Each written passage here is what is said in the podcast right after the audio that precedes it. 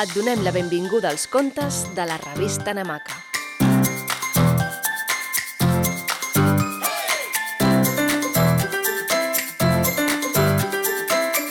Avui t'explicarem el conte Batut de maduixa.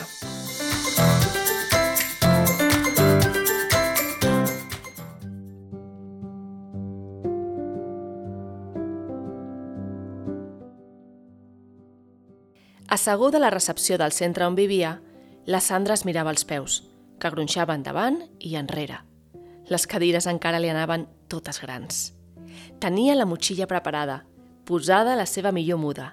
Els deures d'escola, fets.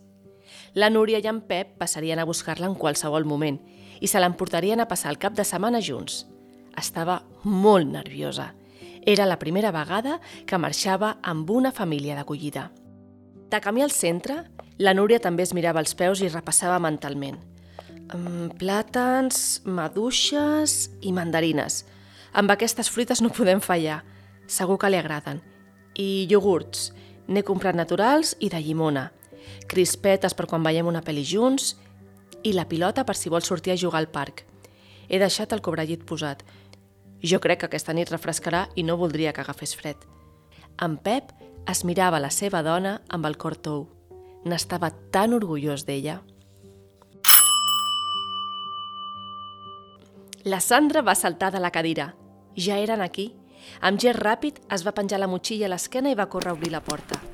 No cal que corris, que no marxaran sense tu. En Jordi, l'educador del torn de cap de setmana, somreia i pensava li anirà molt bé canviar d'aires a la Sandra. En Jordi no s'equivocava. Una família d'acollida sempre era molt millor que viure al centre mentre esperes els teus pares biològics. La Núria i en Pep no van ser l'excepció. Aquell cap de setmana i tots els que van venir després, els tres van passejar, jugar i veure pel·lis. Van tenir l'oportunitat de conèixer els gustos de la Sandra i de començar a cuidar-la. Junts van descobrir que la seva nova beguda preferida era el batut de maduixes i llet que en Pep preparava per esmorzar. Quin descobriment! Mai ningú no li havia preparat batuts de maduixa.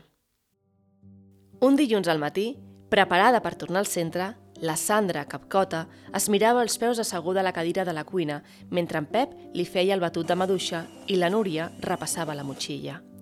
En què penses, Sandra? Res.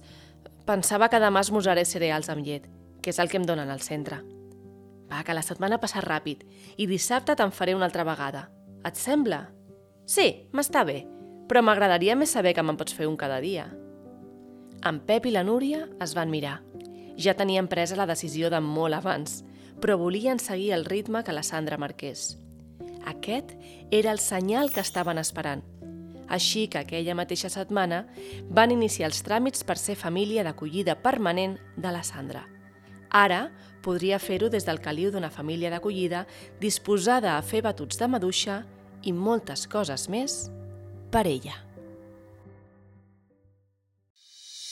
Un conte escrit per Anna Quintero i publicat a la Namaca número 31.